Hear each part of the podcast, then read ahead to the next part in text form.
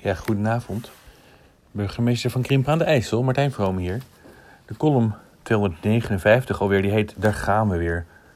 Kijk, een tijd lang ging het best goed met de besmettingen, ook in Krimpen. Maar de afgelopen weken gaat het natuurlijk weer helemaal mis. Ongeveer vanaf hetzelfde moment dat de maatregelen versoepeld werden. Vanuit de Rijksoverheid hadden ze het idee dat iedereen nu wel de basismaatregelen in acht neemt. Handen wassen, afstand houden, thuiswerken.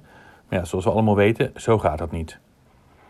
Die maatregelen zijn sowieso niet voldoende, maar moeten worden aangevuld met mondkapjes en met testen en met vaccineren. Nou, het is allemaal ontzettend ingewikkeld geworden. Want als je gevaccineerd bent, kun je nog steeds ziek worden. Alleen is de kans dat je op de IC terechtkomt met 90% verminderd. Als je gevaccineerd bent, kun je nog steeds mensen besmetten. Alleen is de kans dat je dat doet met 65% verminderd. Dus wie niet gevaccineerd is, die moet extra op, opletten. Opletten op het houden van afstand.